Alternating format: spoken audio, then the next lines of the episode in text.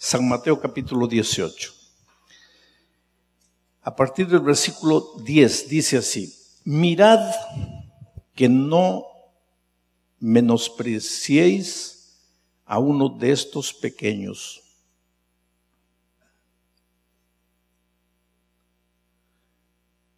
Tal vez vamos al versículo 12.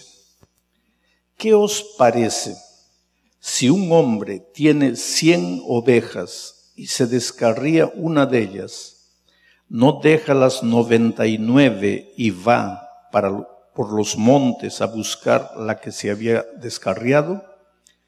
Y si acontece que la encuentra, de cierto os digo, que se regocija más por aquella que por las noventa y nueve que no se descarriaron. Así no es la voluntad de vuestro Padre que está en los cielos, que se pierda uno de estos pequeños.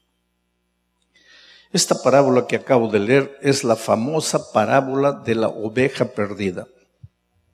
La parábola de la oveja perdida se encuentra registrada en la Biblia dos veces. Aquí en San Mateo 18 y también en San Lucas 15. Ahora mira, en San Lucas 15, el contexto del relato de esta parábola en San Lucas 15 es que la oveja perdida está fuera de la iglesia. Está en los bares, está en la miseria, está en las drogas, está en el cigarro, en las bebidas, en los placeres. En el contexto de San Lucas 15, la oveja perdida no conoce a Dios, no conoce al Evangelio, no conoce a la iglesia, está fuera. Y hay que ir y traerla. Pero en el contexto de San Mateo 18, la oveja perdida no está fuera, la oveja perdida está dentro de la iglesia. Porque el tema de San Mateo 18 es el reino de Dios, la iglesia de Dios. Vuelvo a repetir, en el contexto de San Lucas, la oveja perdida está fuera. Pero en el contexto de San Mateo, la oveja perdida está dentro de la iglesia. Ahora mira, que una persona esté perdida fuera de la iglesia, sin Dios, sin evangelio, sin Biblia, tiene sentido.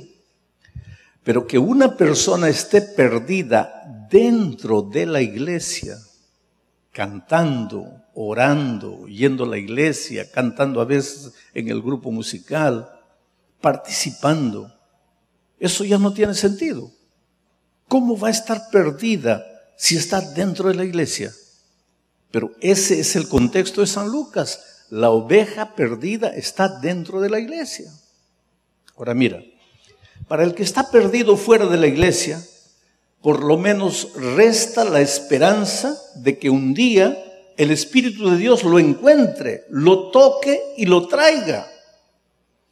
Pero para quien está perdido dentro de la iglesia, oyendo todos los días el Evangelio, ¿qué esperanza les resta? O sea, aunque hay ovejas perdidas fuera y dentro, la situación de las ovejas perdidas dentro de la iglesia es peor que la situación de las ovejas perdidas que están fuera de la iglesia. Ahora tal vez tienes una pregunta en el corazón que dice así, pero pastor, si estoy en la iglesia, ¿cómo voy a estar perdido? Si estoy en la iglesia cantando, participando, orando, en fin, congregando los sábados, dirigiendo actividades dentro de la iglesia, ¿cómo puedo estar perdido? Entonces te voy a contar una historia. Ya te dije que yo fui director de jóvenes durante 18 años y organizaba congresos como este.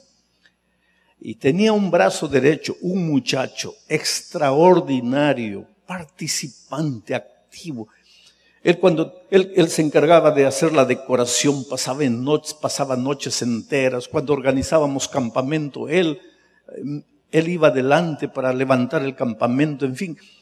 Esos muchachos que cualquier pastor quisiera tener en su iglesia, esos muchachos que cualquier director de jóvenes quisiera tener como colaborador, este muchacho era fuera de serie, extraordinario. Un día, yo estaba en mi oficina y él entró a mi, a mi sala, cerró la puerta, se sentó y empezó a llorar.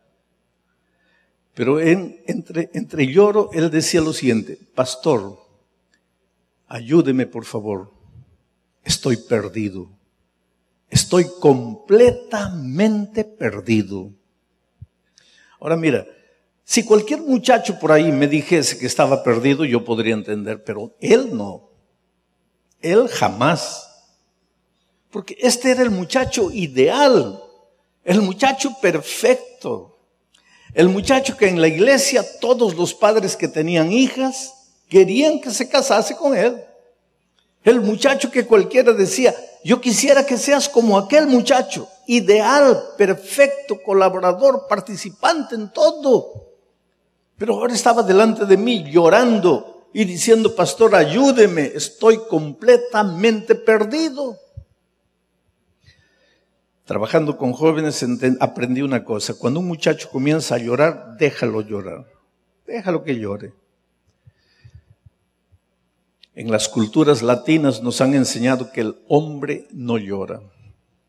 Pero querido, el hombre tiene que llorar y la mujer tiene que llorar. Yo creo que Dios nos ha dado lágrimas y las lágrimas son líquidas para poder sacar la basura que está dentro del corazón, para lavar el alma. Entonces cuando tengas ganas de llorar, no tengas miedo, llora.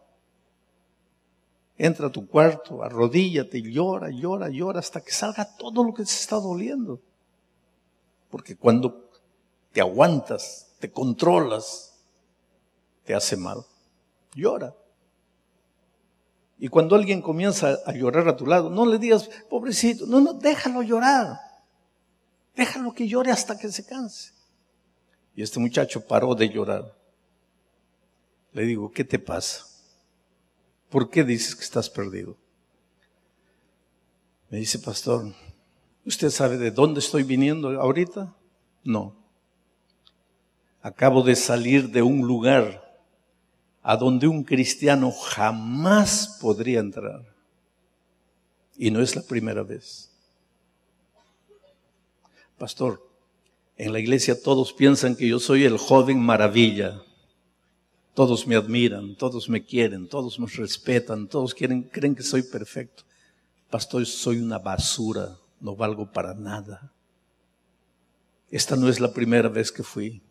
Pero esta vez salí con ganas de matarme, de acabar con mi vida.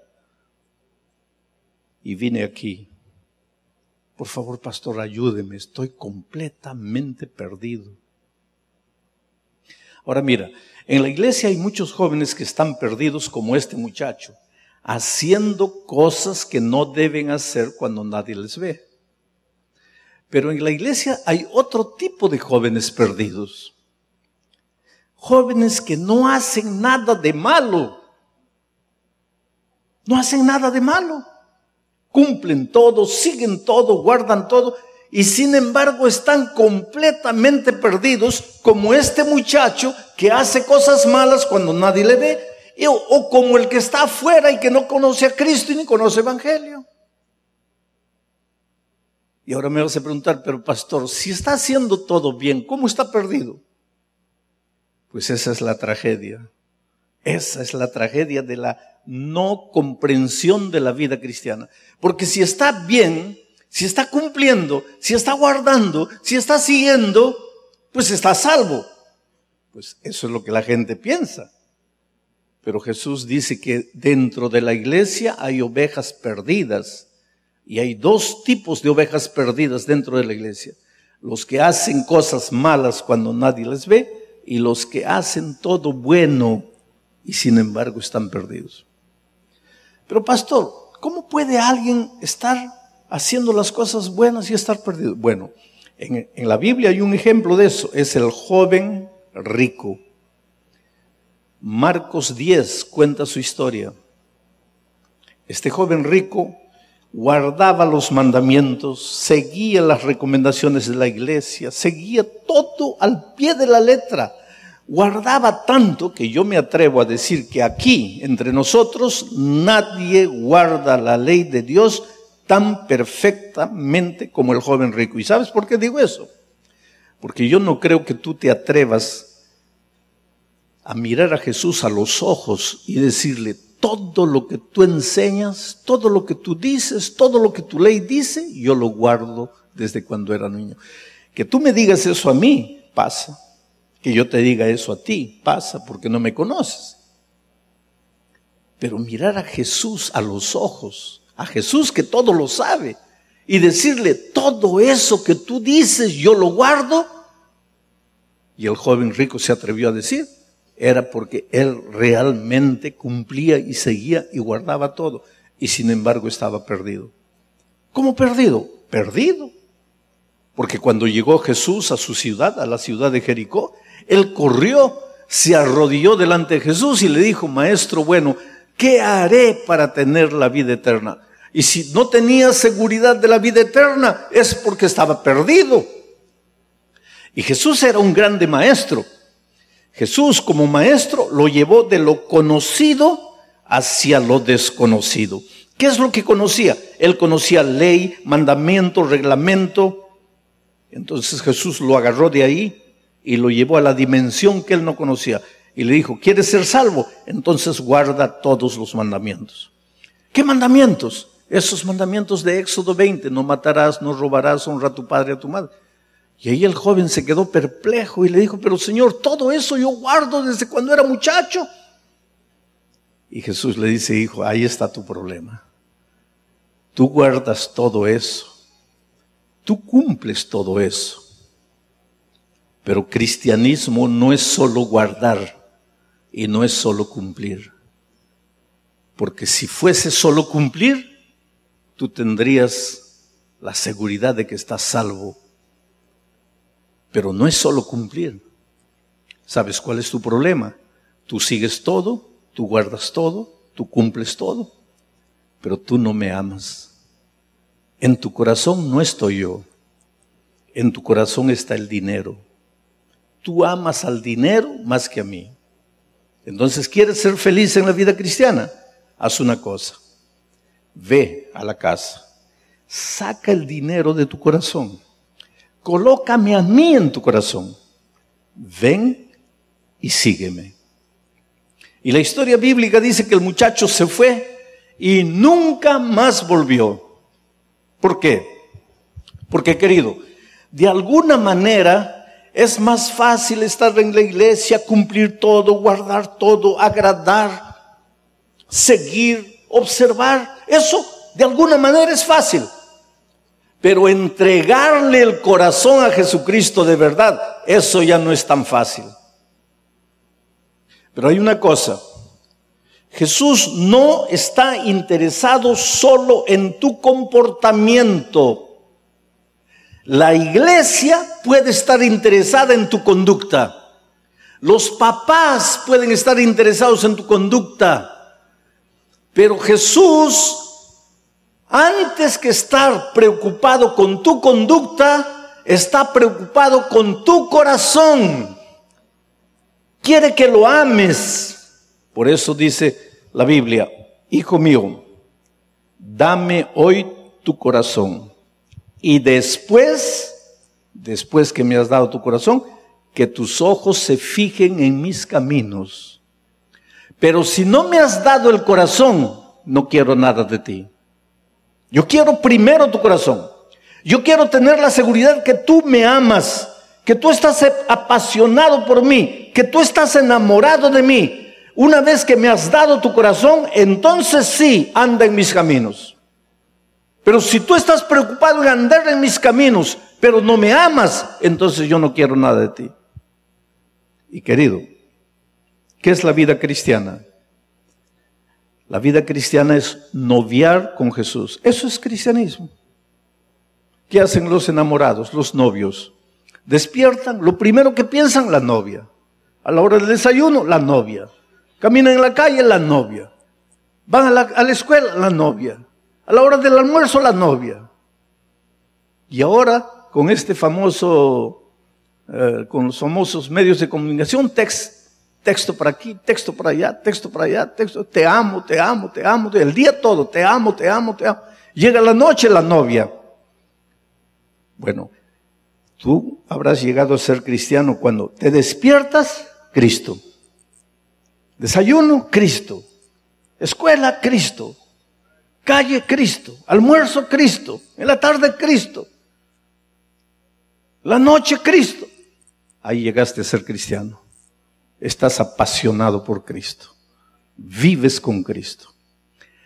Y cuando te enamores de Jesús, el cristianismo comienza a tener sentido para ti.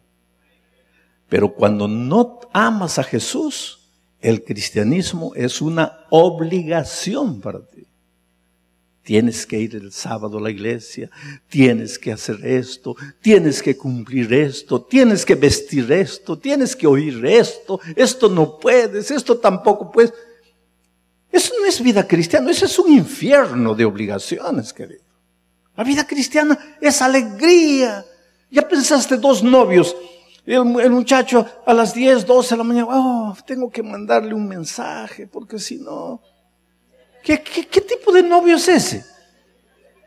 Cuando tú piensas en Cristo en materia de deber, ya, ya tienes que revisar tu cristianismo. No estás enamorado por Cristo. Y si no estás enamorado de Cristo, pues tu, tu, comportamiento, tu conducta, tus buenas obras no te sirven de nada. Te voy a contar una historia.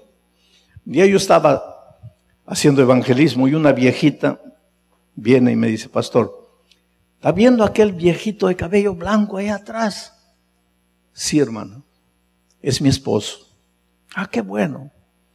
Estamos casados a 60 años. Oye, qué, qué bueno, hermana, felicitaciones. Me dice, pastor, en estos 60 años puede preguntarle a mi esposo, yo he sido una esposa perfecta. En los moldes tradicionales de un matrimonio he sido una esposa perfecta. Ropa limpia, comida lista, hijos bien criados, casa arreglada, en los moldes tradicionales del casamiento, he sido una esposa perfecta. Puede preguntarle a mi, esposo. Pero pastor, yo nunca he sido feliz. ¿Qué? Nunca fui feliz. Pero ¿por qué usted dice que no es feliz? Porque yo no amo a mi esposo, pastor. Pero hermana, solo ahora, 60 años después de casada, usted se da cuenta que no ama a su esposo. Ella dice, no, pastor, no ahora, yo nunca lo amé. Pero ¿y por qué se casó entonces?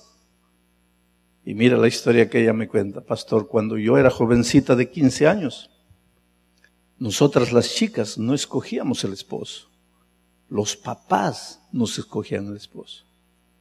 Y un día mi papá llegó, hija, dentro de dos meses te vas a casar, te vas a casar con el hijo de mi compadre fulano. Comenzaron a preparar el ajuar de la novia, el vestido de la novia, el banquete, la iglesia, las invitaciones, y yo no conocía a mi novio. Faltando dos días para el matrimonio, mi papá me llevó a la estación del ómnibus para conocer a mi novio que estaba llegando de la ciudad del interior. Y yo con el corazón que me iba a saltar por la boca, ahí en la estación del ómnibus, ¿a qué hora llegó, el ómnibus? Salió uno, salió otro, salió otro, yo mirando, ¿cuál, ¿cuál de ellos es mi novio? Y de repente mi padre me dijo, es ese, lo miré. No me gustó, pastor. Pero dos días después tuve que casarme. Ahora, mi padre, mi madre me dijeron así, hija, una esposa perfecta hace esto, esto, esto, esto. Y una esposa perfecta jamás hace esto, esto, esto, esto. Y pastor puede preguntarle a mi esposo, en estos 60 años he sido una esposa perfecta, porque no he hecho lo que una esposa perfecta no debe hacer. Y siempre he hecho lo que una esposa perfecta debe hacer. He sido una esposa perfecta. Y comenzó a llorar. Pero feliz, pastor, jamás he sido. ¿Y sabes por qué, querido? Porque para ser feliz tienes que estar apasionado por la persona con la que vives. Si no, Tú puedes ser perfecto y cumplir todo. pero no eres feliz. Ahora, yo, yo tengo miedo que muchos muchachos en la iglesia pueden decirle a Dios, Señor, yo soy desde que nací estoy en la iglesia. Mis padres son cristianos.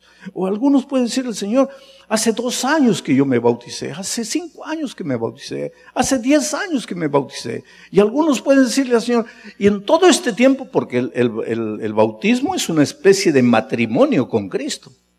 Y pueden decirle, Señor, y en todo este tiempo de casado, tú sabes que yo he sido un cristiano que ha cumplido, que ha guardado, que ha seguido, que ha obedecido. Pero Señor, yo no soy feliz. No soy feliz. Porque hay una cosa interesante, querido. Nosotros inclusive, además de los diez mandamientos, nos hemos inventado un mandamiento más, el deber de decir que el cristiano es feliz. Entonces, tengo que decir que soy feliz porque soy cristiano. Pero es que la felicidad no es porque tienes que ser feliz. La felicidad brota, es natural. O eres o no eres feliz. Y para ser feliz tienes que convivir con una persona que te hace feliz. Con una persona a la que tú amas. Entonces, para ser un buen cristiano no basta estar en la iglesia, no basta cumplir, no basta seguir, no basta guardar. Tienes que estar enamorado de Jesús. El problema es que este corazón nuestro es capaz de amar cualquier cosa menos a Jesús. Tú sabes que hay jóvenes que aman más la iglesia que a Cristo. Tú sabes que hay jóvenes que hablan, aman mucho más el cargo que tienen que a Cristo.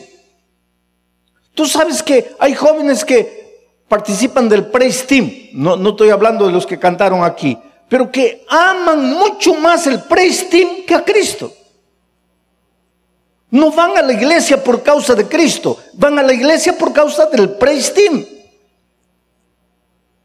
Y ni siquiera cosas tan buenas como la iglesia pueden sustituir el lugar que solo Cristo puede tener en su corazón.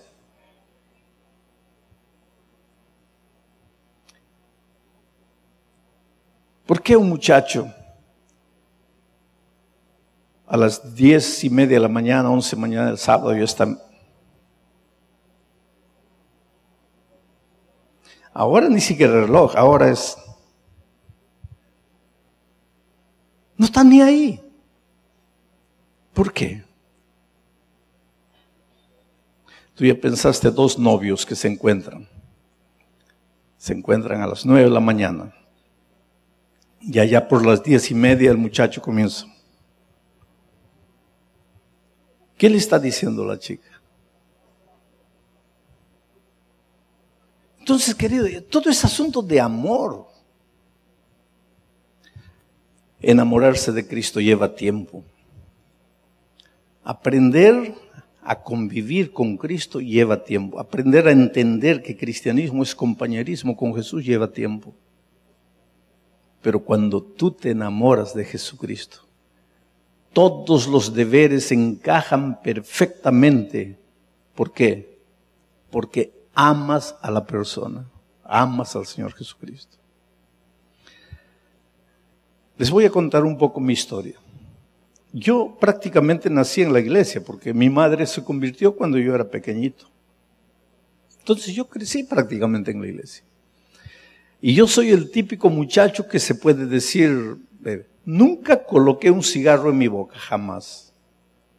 Nunca coloqué una gota de alcohol en mi boca. Yo no voy a discutir aquí el asunto de que si puedes ir al cinema, si no puedes, pero nunca entré a un cinema. Nunca nada de nada. En el aspecto comportamiento, mira, cuando yo tenía 15 años, terminé el curso secundario. A los 19 años terminé el curso de teología. A los 20 años ya era pastor de iglesia. Por eso yo le digo a mis hijos, yo no tuve juventud, porque yo salté de la adolescencia, ya, los 20 años pastor de iglesia, ya tenía que ser ejemplo. Pero mi problema era el problema del joven rico. yo no tenía paz en mi corazón, no era feliz. Y siempre me preguntaba, pero ¿qué me pasa? ¿Por qué? ¿Por qué no soy feliz? Me falta. Cumplo todo, sigo todo, guardo todo y conozco la doctrina porque yo había estudiado teología. ¿Por qué no soy feliz? Entré al ministerio con 20 años. Los dos primeros años de mi ministerio fueron extraordinarios en materia de, de productividad. Muchos bautismos, la iglesia linda, todo maravilloso. Habíamos organizado una nueva iglesia. Mi corazón vacío. Yo era soltero en ese tiempo. El sábado después de predicar, y yo predicaba. Hermanos, el, el cristiano es feliz porque Jesús trae felicidad. Y la iglesia decía, amén. Y me daba ganas de cerrar la Biblia y decir, hermanos, todo es mentira. Porque yo no soy feliz. Pero ¿cómo podía decir eso si yo era el pastor? A mediodía todos mis hermanos se iban a la casa a almorzar. Yo me iba a mi casa solito no era casado. Me acostaba en la cama y mirando al, techo comenzaba a llorar. Y le preguntaba, Dios mío, ¿qué, ¿qué me pasa? ¿Qué me falta? Al final del segundo año de mi ministerio ya no aguanté. Busqué a mi presidente. Metí la mano al bolsillo, saqué mi credencial de pastor y le dije, pastor, renuncio al ministerio, me voy, no quiero ser más pastor. Él cerró la puerta, jaló la silla, se sentó frente a mí, me miró a los ojos y me dice así, ¿tienes algún pecado escondido? Le digo, pastor, lo peor es que no, porque si tuviese tal vez podría decir porque no soy feliz. Y él me dice, Bullón, estás complicando la vida necesitas encontrarte contigo mismo. Él tenía razón, yo necesitaba encontrarme con alguien, pero no era yo, porque conmigo yo me encontraba todos los días y me asustaba, porque solo había vacío en mi corazón. Yo necesitaba encontrarme con alguien, pero no era conmigo. Él me dijo, Bullón, a fin de que te encuentres contigo mismo, voy a hacer una cosa, te voy a mandar de misionero a la selva. Y me mandó de misionero a trabajar en la Amazonía, entre los indios de la tribu Campa. No había carretera, no había caminos. Solo para que ustedes tengan idea. Yo tomaba un ómnibus, que los mexicanos le llaman camión, viajaba 12 horas hasta una ciudad llamada La Merced. Ahí ya no había más ómnibus. Ahí tomaba un, camión de verdad, de esos camiones que carga ganado, y viajaba tres horas de camión hasta un río llamado el río Perené. Y ahí se acababa la carretera. Ahí tomaba un, un bote e iba por río abajo hasta una aldea llamada Maranquiari, Maranquiari, Maranqui, Maranqui en el lenguaje campa quiere decir culebra, Ari, lugar, Maranquiari, lugar de las culebras. Ahí era la aldea, ahí era la sede de mi distrito. Allá en el corazón de la selva. Trabajé tres años ahí como misionero entre ellos. Pero el primer año sucedió el milagro. Era un viernes yo salí temprano de la casa a las seis de la mañana, a las nueve ya debería estar en la aldea, porque todos los viajes eran o por, el río o entonces a pie por, la selva, con un machete en la mano abriéndose camino. Salí a las seis, debería estar a las nueve, pero eran nueve, diez, once, me perdí. Y cuanto más trataba de encontrar el camino, más me perdía. Mediodía, una de la tarde me comencé a asustar, estoy perdido.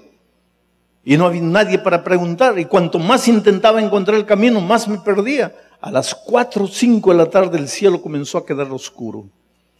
Comenzó una tormenta. Comenzó a llover. El cielo negro completamente. Una tormenta terrible. Me senté debajo de un árbol, mi mochila al lado. Seis de la tarde. Mi reloj decía seis de la tarde, parecía medianoche. Debajo de los árboles, con la tormenta, todo oscuro. Seis de la tarde.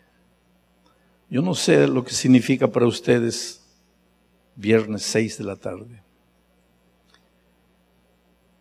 En mi casa, cuando era niño, viernes a las seis de la tarde, toda la familia estaba recibiendo el sábado, bien bañaditos, y de la cocina salía el olor de pan caliente.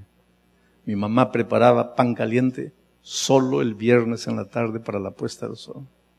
Entonces para mí puesta del sol es olor de pan caliente. Pero ahora yo estaba en la selva, seis de la tarde, solito, mojado, debajo de un árbol. Y me dio ganas de llorar. Porque pensé, ¿qué estoy haciendo aquí? Si por lo menos fuese feliz, pero ¿qué estoy haciendo aquí? Siete de la noche, ocho de la noche. Allá por las nueve la lluvia comenzó a pasar. Y pensé, tengo que salir corriendo de aquí. Tengo que ir a algún lugar. Ustedes no, tienen idea de lo que significa pasar la noche en la selva. Unos ruidos misteriosos. Bueno, es asustador. Y comencé a correr. Cuando disminuyó la lluvia, comencé a correr. Corrí para aquí, cayendo, levantando, como si alguien me estuviese siguiendo. Me entró una especie de pánico y corría, corría y de repente tropecé y caí por un abismo. Mi mochila se fue al fondo del abismo y yo me quedé atorado en un tronco por ahí. Ahí comenzó mi lucha. Trataba de salir y no podía. La tierra estaba mojada, mis pies resbalaban en el barro. Me agarraba de, una rama, soltaba con dolor porque la rana llena de espinas. Todo lo que hacía para salir no podía. Cada vez me hundía más y me hundía más. Y ahí me di cuenta de mi tragedia. ¿Dónde estaba Jesús? Para mí, estaba ya en el santuario celestial. Eso es lo que había aprendido. Y es verdad que todos necesitamos del ministerio de Jesús en el santuario, pero en este momento yo no lo necesitaba ya, yo lo necesitaba aquí. Y esa noche descubrí que toda mi vida viví solo. Nadie me enseñó a amar a Jesús. Me enseñaron a tener miedo de Él. Me enseñaron a obedecerle, a cumplir las reglas, a guardar los reglamentos. Y de alguna manera había logrado todo eso, pero nadie me enseñó a convivir con Jesús. Para mí Jesús era una doctrina. Para mí Jesús era teología. Pero yo no necesitaba de eso, yo necesitaba de una persona y yo estaba solo. Comencé a llorar, no de miedo, de la oscuridad. Comencé a llorar de tristeza, de soledad Estoy solo en esta vida, no tengo a nadie a mi lado. Y comencé a gritar. En la selva cuando alguien se pierde tiene que gritar. Porque si hay alguien por ahí y escucha el grito, también grita. Y entonces las personas gritando se van aproximando, se encuentran para ayudarse. Yo comencé a gritar y a lo lejos escuché un grito. Al principio pensé que podría ser el eco, Seguí gritando. El grito comenzó a aproximarse. Seguí gritando. El grito comenzó a aproximarse. Y de repente sentí que alguien estaba allá arriba en la trilla. Seguí gritando. Y ahora ya comencé a sentir los pasos. Alguien se estaba acercando. Y efectivamente llegó cerca de mí. Era un indio de la tribu. Yo no lo conocía, pero era un indio. Las marcas todas me extendió la mano, agarré su mano, una mano llena de callos, grande, fuerte. Le pregunté, ¿quién eres? No dijo nada. ¿Qué haces aquí? Nada. ¿De dónde saliste? Nada. Me comenzó a jalar. Mis pies resbalaban en el barro. Los pies de él parecían un tractor, iban subiendo, subiendo, subiendo, hasta que llegamos allá a la trilla. Y cuando llegamos a la trilla le pregunté, ¿pero quién eres? Nada. Yo pensé, no me entiende. Yo había recién llegado a la selva, no hablaba el idioma de ellos. Pensé, este no habla español, no me está entendiendo. Me tomó del brazo y me comenzó a llevar y comenzamos a caminar media hora, una hora, una hora y media. En todo el trayecto le pregunté muchas veces, él no respondía nada. De repente él paró y me mostró abajo, habían luces, era la aldea que yo estaba procurando. Ahí lo solté y comencé a correr. Resbalé nuevamente y caí. Él se acercó, me recogió y llegamos a la aldea. Ahí comencé a gritar y el jefe de la, de la aldea, el cacique, salió con una antorcha encendida y me vio y me dice, pastor, usted está loco, pastor. ¿Cómo se le ocurre venir a esta hora? Le digo, Juan, yo no vine a esta hora. Yo salí a las seis de la mañana. Me perdí. Estoy cansado. Quiero dormir. Me llevó a una choza. Ahí estaba la fogata. Es interesante ellos. Ellos tienen una cosa que se llama fuego eterno. Nunca se apaga el fuego 24 horas por día. Alimentan, alimentan, alimentan. Cuando el hijo se casa, saca brasa de la fogata y con esa brasa comienza su nuevo hogar su nueva fogata, que nunca se va a apagar. Y cuando el hijo de esta nueva pareja se case, agarrará brasa de aquí y forma una costumbre interesante. A veces llega una epidemia, en esos tiempos llegaba la epidemia del sarampión, no había remedio, y el único remedio era abandonar esa aldea y buscar otro campo más adentro y establecer la aldea ahí. Y llevaban la brasa soplando en todo el camino para no dejar apagar la brasa, para que la nueva aldea comenzase con el fuego que había. Por eso le llamaban fuego eterno. Me acosté al lado del fuego. A la mañana siguiente me desperté, era sábado de mañana. Por eso a mí, el sábado para mí significa mucha cosa, no solo porque la Biblia lo dice, porque el sábado para mí es el día en que yo me encontré con Jesús. Me desperté de mañana, mi, ropa se estaba secando cerca del fuego. Había una olla con mazamorra de harina de plátano y yuca asada. Yo me vestí, quería lavarme, bañarme, salí al patio de la aldea, ahí estaban los indios todos conversando. Juan Cañay, el cacique, vino me dice, pastor, ¿está bien? ¿Ya durmió bien? ¿Descansó bien? Le digo, sí, Juan. Me dice, pastor, ¿por qué no me llamó? Yo hubiera ido ayer, lo hubiera traído. ¿Cómo llegó usted finalmente? ¿Cómo encontró el camino? Le digo, Juan, el indio que estaba conmigo. ¿Qué indio? El indio que estaba conmigo. Cuando tú saliste a saludarme en la noche, había un indio conmigo. Él me dice, no, pastor, usted estaba solo. Le digo, Juan, cuando tú me estabas saludando, él estaba a mi lado.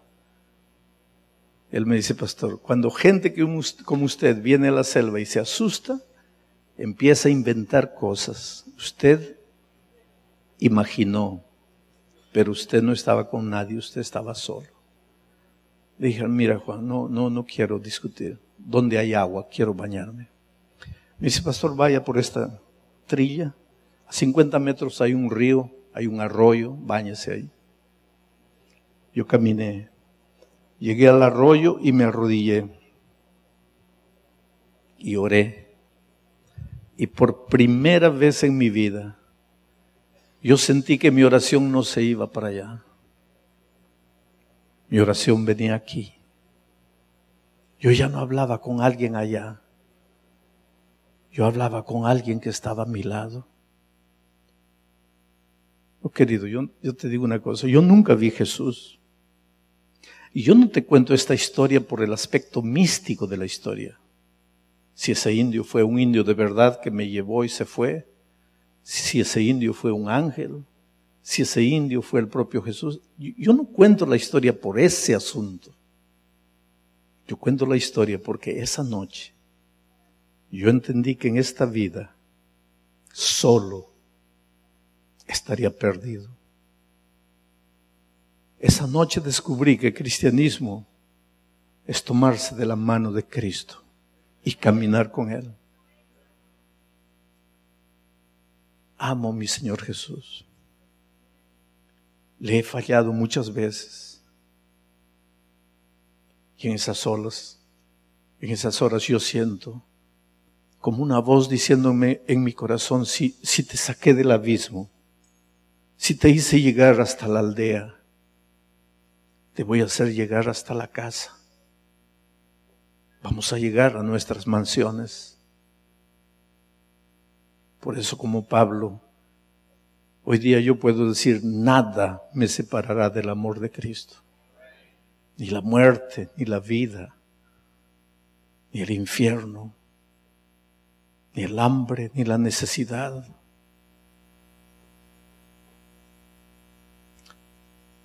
Tú eres lo más precioso que Dios tiene en esta vida.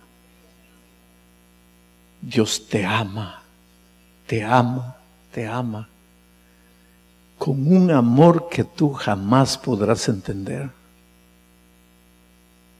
No te ama por lo que eres, te ama a pesar de lo que eres. No te ama porque eres bueno, te ama a pesar de que no eres bueno.